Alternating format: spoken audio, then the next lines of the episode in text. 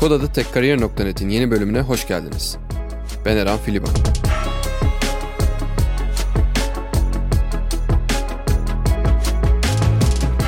Siber güvenlik eskiden sadece filmlerde gördüğümüz bir konuyken artık büyüğünden küçüğüne her şirketin hatta bireylerin de kendini bilgilendirmesi gereken bir başlık.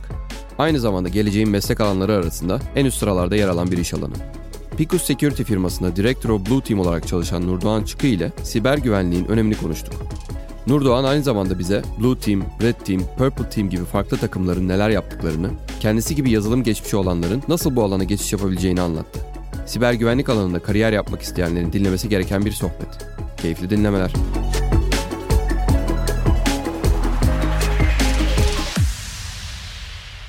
Hoş geldin Nurdoğan. Hoş bulduk Eren. Bugün seninle siber güvenliği konuşacağız. Siber güvenliğin ne demek olduğunu, kayıttan önce de söylüyordum biraz kapalı bir kutu orası gizemli bir alan. Biraz aslında orayı aydınlatabilirsek süper olacak. Direkt aslında ilk soruyla gireyim. Siber güvenlik ne demek? Çok güzel ve çok da aslında geniş bir konu ama hani olabildiğince basit anlatmak gerekirse hani şu an bireysel olarak her birimizin de kurumların da, şirketlerin, kuruluşların, devlet kurumlarının, askeri kurumların herkesin dijital varlıkları var. Bizim kendi hani bireysele indirgersek akıllı telefon kullanan herkesin telefonunda kendisiyle ilgili çok fazla veri var. Değil mi? Ve bu cihazın kendisi de onun için değer içindeki verilerde. Kurumların da aynı şekilde kullandığı bilgi teknolojileri, altyapıları var. Yazılımları, altyapısındaki sistemleri, ağ cihazları, bir sürü uygulamaları, veri tabanları ve burada yönettikleri ve transfer ettikleri, depoladıkları bir sürü veriden bahsediyoruz. Dolayısıyla bunların bir güvenliği söz konusu. Tüm bu dijital asetleri, varlıkları, verileri, sistemleri, cihazları, kendi verilerimizi korumak için neye karşı? Gerçek tehditlere, siber saldırılara karşı korumak için uygulanan kontroller, süreçler ve teknolojilerin aslında bir bütünüdür siber güvenlik. Böyle bir ekosistemdir, böyle bir bakış açısıdır aynı zamanda. Şimdi siber güvenlik denince benim en azından ilk aklıma gelen veya hani eski zamanlardan kalan zaten bir devlet seviyesinde bunun bir konu olduğunu biliyoruz işte siber saldırılar, siber güvenlik vesaire. Evet. Büyük şirketlerde de zaten bu işte bankalar, telekom firmaları, büyük kurumlar, organizasyonlar, işte şeyler, holding şirketler vesaire filan falan. Hani orada da okey mantıklı. Biraz daha belki hani küçük şirketlere, orta büyüklükteki şirketlere veya devlet veya böyle finansal regülasyonla alakası olmayan şirketlere geldiğimizde onlar için de önemli bir konu bu siber güvenlik. Kesinlikle hani başta da bahsettiğim gibi hani bizler için de bireysel olarak çok önemli. Küçük şirketler için de orta büyüklükte büyük şirketler için de hepsi artık şu an hedef altında. Artık çünkü siber tehditler, siber saldırılar o kadar çok gelişti ve o kadar çok yaygınlaştı ve bunları uygulamak da o kadar kolaylaştı ki mesela hani kimlerle muhatabız diye sorarsan çok büyük organize siber terör örgütleri devlet destekli ya da farklı kategoride ya da hani bireysel kötü amaçlı insanlar tarafından kendini geliştirmiş ya da meraklı bir ilkokul, ortaokul çağındaki bir genç arkadaşımızın bile bir insanın bile yapabileceği saldırılardan bahsediyoruz. Dolayısıyla motivasyonu saldırgan tarafın neyse hedeflerde de o motivasyonlar o kadar değişti ve gelişti ki hedeflerde de aslında hepimiz varız bireysel olarak bizler de sonuçta bu işin sonunda bir zarar verme amacı olabilir bir para kazanma amacı olabilir ya da gizli bilgilerin ifşası ve gizli bilgilerin elde edilerek başka amaçlarla kullanılıyor olması olabilir. Amaçlar, motivasyonlar ve kaynaklar değiştiği ve çok fazla genişlediği için Hedefler de aynı şekilde genişliyor. Hepimiz aslında hedef altındayız. Örnek veriyorum küçük şirketler ne gibi tehdit altında olabilir diye düşünebilirsin. Mesela şu an hani son yıllarda artan fidye yazılımı saldırıları çok fazla popüler. Özellikle küçük ve orta çaplı şirketlerde çok fazla görüyoruz. Çünkü bu şirketlerde güvenlik farkındalığı daha düşük olduğu için saldırganlar da fidye yazılımlarını çok başarılı bir şekilde burada uygulayabiliyorlar. Ve bu tarz kurumların bir yedek alma ve güvenlik anlamında da farkındalığı olmadığı için genelde müthiş mağduriyet yaşıyorlar ve o saldırgan tarafa bu fidyeleri ödemek durumunda kalabiliyorlar çoğu zaman. Güzel bir konuya değindin aslında. Bir sonraki sorum da o olacaktı. Farklı saldırı türlerinden biraz bahsedebilir miyiz? Ya fidye yazılımından bahsettin. Başka ne tür saldırılar var mesela? Tabii ki çok fazla kategoride, çok da gelişmiş saldırı teknikleri var. Fidye yazılımı zararlı yazılım kategorisine giren bir saldırı tekniği örnek veriyorum. İşte burada çeşitli zararlı yazılım kategorileri var. İşte trojanlar, işte virüsler vesaire. Onun dışında yani atak yüzeyine göre, atak vektörüne göre çeşitli kategoriler var. Ama bizim hani böyle en kolay anlaşılabilir olanlardan bahsetmek istiyorum. Hani örneğin hepimiz akıllı telefon kullanıyoruz. Bahsettiğim gibi bilgisayarlarımız var. Bunlarda belli kullandığımız yazılımlar, uygulamalar var, işletim sistemleri var ve bunlara belirli aralıklarla hep bir güncelleme gelir. Artık bu hayatımızın bir parçası. Meraklı olan insanlar bakmıştır. Güncelleme geldiğinde bu güncellemenin içinde neler var? Hani orada okuyabiliyorsunuz. Orada genelde hepsinde güvenlikle ilgili yamalar vardır. Çünkü mevcut kullanılan versiyonda bir güvenlik açığı tespit edilmiştir. Bu da nasıl olur? Bir güvenlik araştırmacısı ilgili yazılımı manipüle etmeye işte sömürmeye çalışmıştır bir açığını, bir güvenlik açığı aramıştır ve bunu sömürmeye çalışmıştır ve bunu uygulamayı geliştiren ya da işletim sistemini geliştiren kuruma iletmiştir. Ya da gerçekten bir siber saldırgan bu açığı keşfetmiş ve kullanmıştır. Bu ortaya çıktıktan sonra ilgili üretici bunu yamamıştır ve güvenlik yamasını hemen hızlı bir şekilde yayınlayıp kullanıcılarına iletmiştir. Örnek veriyorum bir güvenlik açığı tespit edildiğinde bir saldırgan tarafından bu hemen sömürülebilir. Ve ne yapabilir? Bizim kullandığımız işletim sisteminde bir güvenlik açığı var ve bu örnek veriyorum dışarıdan internetten çok kolay bir şekilde akıllı telefonumuza ya da bilgisayarımıza erişebildiğini varsayalım bu güvenlik açığıyla. Ne yapabilir? Sistemimize erişip bizimle ilgili bilgileri kolaylıkla çekebilir. Bunları kullanabilir ya da bize zarar verici aksiyonlar alabilir. Yani birçok kapıyı açar. Sonuçta bizim sistemlerimize erişebilir hale gelmiştir. Dolayısıyla kurumlar için de aynı geçerli. Kurumlarda çok daha fazla teknolojiler, yazılımlar, ürünler kullanıldığı için her birinin de güvenlik açıkları sürekli keşfedilmekte ve sürekli de üreticileri tarafından bu güvenlik paketleri, yamaları yayınlanmaktadır. Şimdi burada en kritik mesela şeylerden birisi şudur bu güvenlik açıklarında. Şimdi güvenlik açığı raporlandığında artık tüm dünya bunu duymuş halde. Bir saldırgan bunu keşfettiğinde o sadece o saldırgan biliyor. Onun için hani riskiniz daha düşük gene. Ama bunu üretici firma artık yayınladığında ve bununla ilgili bir yama duyurduğunda artık tüm saldırganlar, tüm kötü amaçlı insanlar bunu öğrenmiş durumda oluyor. Ve dolayısıyla risk inanılmaz büyüyor. Sizin bir an önce o yamayı geçmeniz gerekiyor. Ama işte farkındalık seviyesi düşük olan kurumlarda ve kişilerde hani önemsenmediği için bu süre azaltılmadığı için o yamayı geçme süresinde siz risk altındasınız. Farkında olsanız da olmasanız da. Dolayısıyla çok fazla kategoride dediğim gibi web uygulamalarına yönelik bir sürü atak tekniği var database'lere yönelik var. Cihazların her birine göre var. Onun dışında yani kullandığınız teknolojilerin her birine göre var. Ve her bir atak kategorisinde de ataklar kendi içinde de derinleşip çeşitleniyor. Ve yani çok artık bir kurum ve bir kişi tarafından yönetilemez hale geliyor. Yani çok fazla artık yani bir kurumun tek başına manuel bir şekilde takip edip yönetemeyeceği kadar çok fazla atak kategorisi var ve atak çeşidi var. Her günde bunlara binlercesi, yüzlercesi ekleniyor. Biraz şey gibi hissediyorum zaten. Birileri kaçıyor, birileri kovalıyor gibi yani sürekli çünkü bir, yeni birileri bir açık arıyor. İçeride de o açıkları başkaları bulmasın biz bulalım diye çalışan ekipler de var. Bir de o açıkları bulup da saldırı yapan kişilere karşı savunanlar da var. Oradan da aslında şey sorayım sana. Bu siber güvenlik dünyasında benim sizin firmayla tanışmamdan sonra ilk defa duyduğum. Aslında filmlerde falan böyle duymuştum ama anlamamıştım. Bunun yani bir kurgu olduğunu düşünüyordum ama gerçekten hani farklı ekipler var. Bu ekiplerde Red Team ve Blue Team. Eminim başka ekipler vardır da Şimdi oradaki ekip yapısından biraz bahseder misin? Red Team kimdir, ne yapar, Blue Team nedir, ne yapar? Ondan biraz bahsedebilsen süper olur. Tabii ki anlatmaya çalışayım gene olabildiğince anlaşılabilir şekilde. Önce şeyden başlayayım. Dinleyicilerimiz mesela Google'dan çok basit bir aratmayla Cyber Security Domains ya da Cyber Security Domain Mind Map diye bir arama yapabilirler. Burada görsellerde ilk gördükleri zaten hani biraz onları şoke edebilir. Hani siber güvenlik tek başına bir aslında ne bir ekip ne bir kişiden oluşur. Hani çok ciddi bir ekosistemden bahsediyoruz ve hani çok fazla alt uzmanlık alanları var. Çok fazla düşünülmesi gereken alt domaini var ve bu ana domainlerin de bir sürü alt domainleri var çok fazla böyle bir örümcek ağı gibi dallanıyor. Hani bunlardan da örnek vermem gerekirse yönetişim ekipleri, governance dediğimiz uyumluluk ekipleri, compliance, risk tarafı, işte kullanıcı farkındalığı tarafı, güvenlik operasyonları tarafı, Red Team, Blue Team ve birçok bu şekilde kategori var. Uygulama güvenliği gibi. Bunların her biri ayrı uzmanlık alanları, ayrı domainler. Şimdi tehdit odaklı baktığımızda ise Red Team ve Blue Team gerçekten çok öne çıkıyor. Yani şu anda gerçekten hani kariyer anlamında da tehdit odaklı siber güvenlik ekosisteminde de hani gerçekten hype konular. Şimdi bir ortalama bir büyüklükte ya da büyük bir kurumda, bir finans kurumunda örnek veriyorum. Nasıl bir organizasyon vardır ve red teamler ve blue teamler burada neler yapar? Hani Türkiye'den örnek veriyorum. Türkiye'deki büyük ortalama bir finans kurumunda, bir bankada hani tahmin ediyorum ki yani 100 veya 100'ün üzerinde siber güvenlik domaini altında, şapkası altında çalışanlar vardır ve artık siber güvenlik öyle bir konuma geldi ki artık regülatör, devlet ya da özel regülatör kurumlar tarafından artık üst yönetim konusu haline geldi. Ve artık örnek veriyorum kritik sektörlerde devlet kurumlarının yayınladığı regülasyonlara göre artık güvenlik tepeden genel müdüre ya da yönetim kuruluna bağlı olması gerekiyor.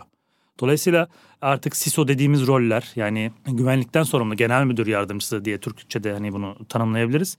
Artık direkt üst yönetimde, genel müdürün, yönetim kurulunun gündem maddeleri haline geldi güvenlik. Ve dolayısıyla da üst yönetimde onu temsil eden artık roller ortaya çıktı. Ve bu güvenlik çatısı altında çok fazla az önce bahsettiğim domainlerden ve buradaki domainlerdeki sorumlulukları ve alanları yerine getirecek birçok da departman oluşuyor bu tarz kurumlarda. Şimdi tehdit odaklı güvenlik tarafında ise Red Team ve Blue Team çok önemli domainler. Bir de tabii ki şeyi de duymuşsundur Eren. Purple Team ve da Purple Teaming. Hani ondan da bahsedeceğim. Önce şimdi Red Team ve Blue Team ve bu renkler ne anlama geliyor? Ondan bahsedelim. Aslında renkler güvenliğin bakış açılarını yansıtıyor. Kırmızı ofensif tarafı temsil eder. Blue da defansif tarafı.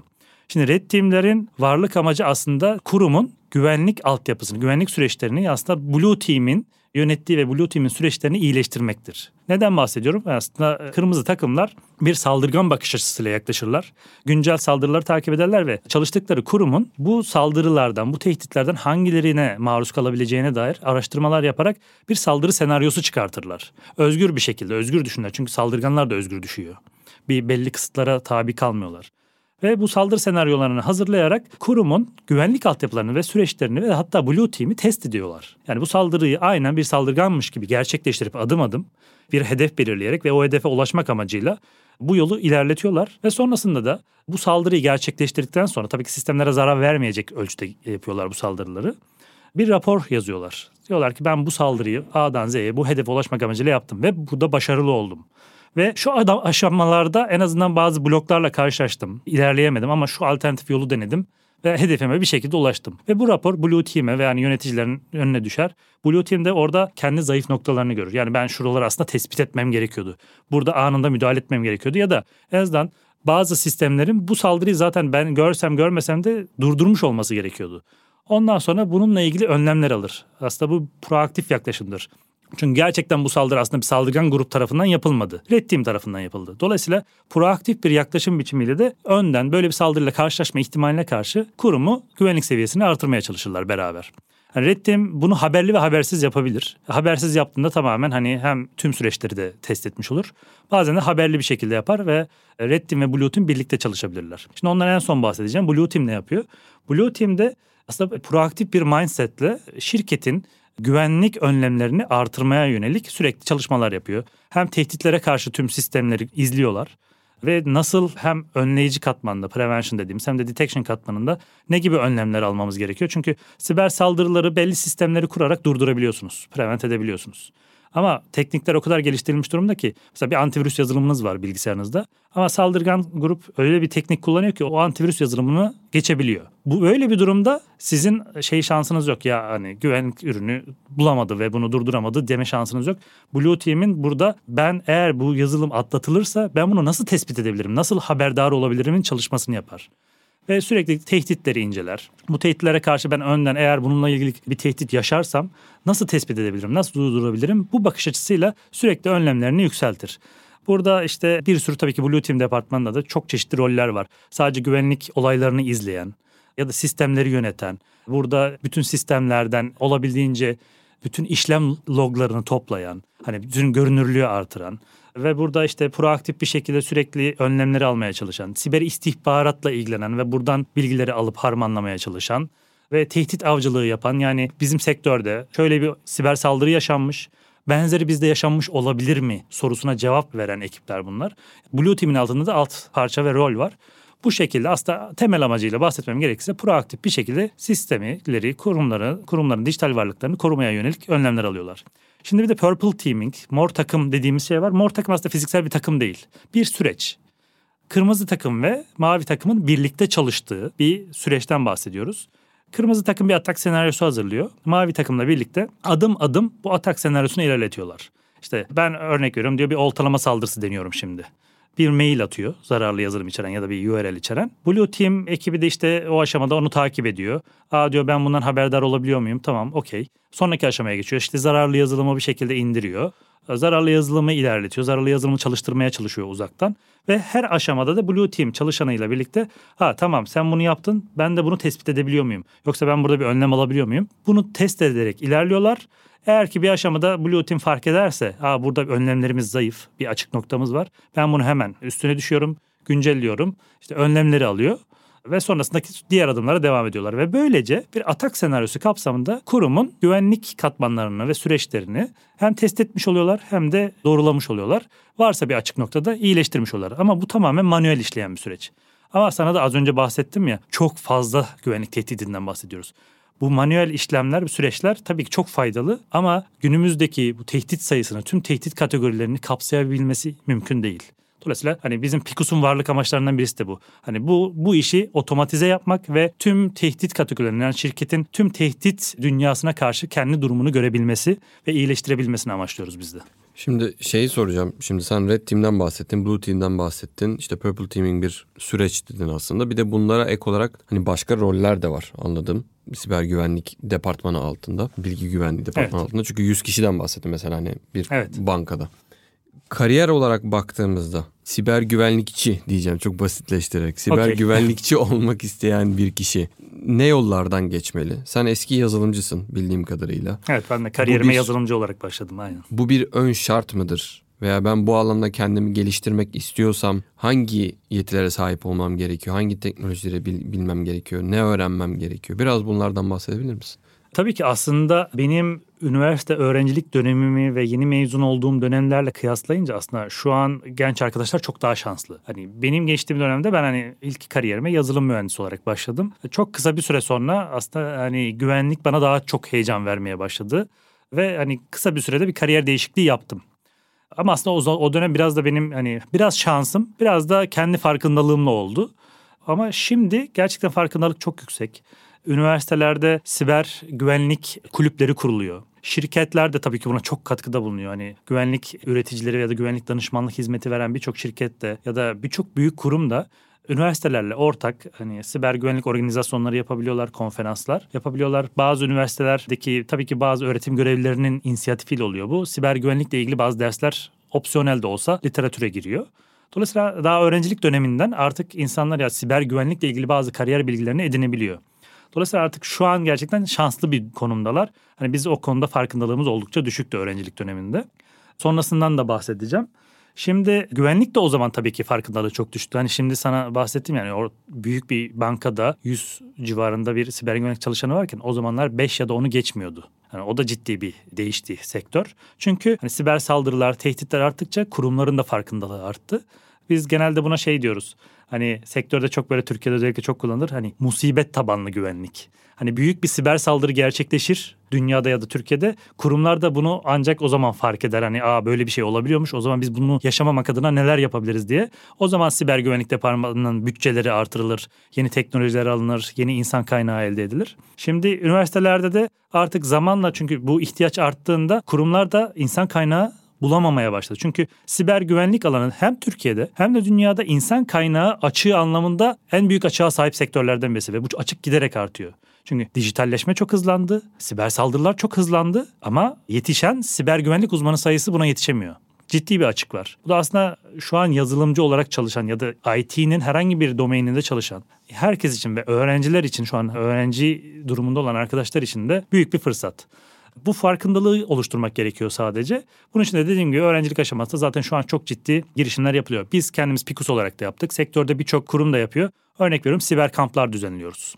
Ne oluyor? Böyle bir başvuru açıyoruz üniversitenin 3. ve 4. sınıf ya da yeni mezun arkadaşlar başvurabiliyorlar. Belli sınavlardan geçiyorlar ve sona kalan işte belli sayıdaki arkadaşı kampa alıyoruz. Burada güvenliğin az önce bahsettiğim tüm domainlerinde olabildiğince high level bütün teknik bilgileri vermeye çalışıyoruz, sağlamaya çalışıyoruz ve belli sınavlara tabi tutuyoruz arkadaşları ve dereceye gidenlere iş, kariyer fırsatı sunuyoruz. Ve birçok şirkette bunu yapıyor. Bu çok faydalı oluyor sektöre. Yani dereceye girenleri siz kendi kurumunuz bünyesine alıyorsunuz ama dereceye girmeyen de bir sürü arkadaş var orada ama onların da en azından ciddi bir farkındalığı oluşuyor ve sektör bu anlamda besleniyor. Ve o arkadaşlar da başka kurumlarda da olsa kariyer fırsatı elde ediyorlar ve sektör çok büyüyor böylece. Bu açığı da kapatmaya çalışıyoruz.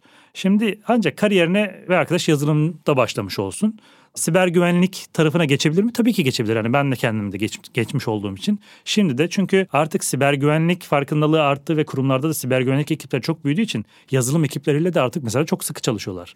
Ve yazılım güvenliği, uygulama güvenliği ile ilgili mesela güvenlik ekipleriyle yazılım ekipleri çok sıkı çalışırlar. Yazılımda bir kod taraması seviyesinde bazı güvenlik açıkları çıkmıştır ve benzeri bunların kapatılması adına birlikte çalışırlar ve ben kariyerimde şahit oldum. Sırf bu süreçlerden birlikte çalışmadan bile yazılımcı arkadaşların meraklarının güvenlik anlamında çok yükseldiğini, bu nasıl güvenlik kod geliştirilir eğitimlerinden tutun bu birlikte çalışmadan gücünden gelen meraklarının çok fazla gelişip siber güvenlik tarafına mesela bir yüksek lisans en azından yaparak ya da direkt bir kariyer değişikliği yapıp hani sıfırdan başlayayım ama siber güvenlik bana daha çok heyecan veriyor diyerek böyle değişikliklere ben şahit oldum ve bunun yolu çok çok açık. Bir de siber güvenlikte gene sorularından birine cevap vermiş olacağım böylece. Ne gerekiyor? Yeni başlayan birisi için ya da tecrübeli birisi için aslında soft skill'ler bizim için çok önemli. Yani çok meraklı olması gerekiyor. Çok araştırmacı olması gerekiyor. Teknik bilgi anlamında da aslında IT tarafındaki tüm domainler hakkında bilgi sahibi olması gerekiyor. Ama çok derin olmasa da hepsinden belli seviyeye kadar bilgisi olması gerekiyor. Biraz network bilmesi gerekiyor, biraz yazılım bilmesi gerekiyor, biraz veri tabanı bilmesi gerekiyor. Bunlardan temel seviyede bilgileri en azından altyapısına oturtmuş olması gerekiyor ki sonuçta bir sistemi ya da bir ekosistemin güvenliğini sağlamak zorundaysanız onu sistemi bilmeniz gerekiyor. E, tabii ki sonra siber güvenlikte hangi tarafa yoğunlaşacağıyla, dikey uzmanlık yapacağıyla ilgili artık oradaki teknolojileri de derinleştirmesi gerekiyor bilgi dağarcığı alarak. Dolayısıyla hani soft skill'ler bizim için çok daha önemli ama teknik bilgileri tüm IT temellerini oturtmuş olması gerekiyor. Teknoloji anlamında da hani kurumlarda çalışmaya başladıkça zaten bu teknolojileri öğreniyor ama şimdi artık open source, açık kaynak dediğimiz çok fazla güvenlik tarafında da araçlar geliştirilmiş durumda. Hani kendisini geliştirmek anlamında da kendi evinde bir lab ortamı kurarak, kendi bilgisayarında bu open source açık kaynak tool'ları alıp inceleyebilir ve bunlarla ilgili güvenlik incelemeleri yapabilir ya da ofensif taraftan da yaklaşabilir. Defansif taraftan da hani en azından mesela ben bir mavi takım çalışanı olarak şöyle örnek verebilirim bu tarafa merak hissediyorsa kendi evinde açık kaynak bir log yönetimi ürünü kurabilir. Ve bir siber saldırılarla ilgili araştırmalar yaparak bunların payloadlarını deneme yapabilir kendine kurduğu lab ortamında. Atağı deneyip hemen sonrasında bununla oluşan izleri analiz ederek ben bunu nasıl tespit edebilirim? Bu tehdidi diye kendi başına bir çalışma yapabilir, bir güvenlik araştırması yapabilir. Bu şekilde kendisini ciddi seviyede geliştirebilir. Örnek veriyorum. Bu sadece kendi imkanlarıyla yapabileceği bir şey. Çok basit bir örnek veriyorum. Dolayısıyla şu an imkanlar oldukça gelişmiş durumda. Sadece meraklı olması aslında bu aşamalara gelmesine sebep olabilir. Benim mezun olduğum dönemde bilgisayar mühendisliği olması çok büyük oranda şart olarak hani sektörde aranıyordu. Şimdi artık o da biraz zayıfladı. Çünkü artık hani karşı karşıya olduğumuz saldırgan gruplar üniversite mezunu değil. Yani onların belli kısıtları yok.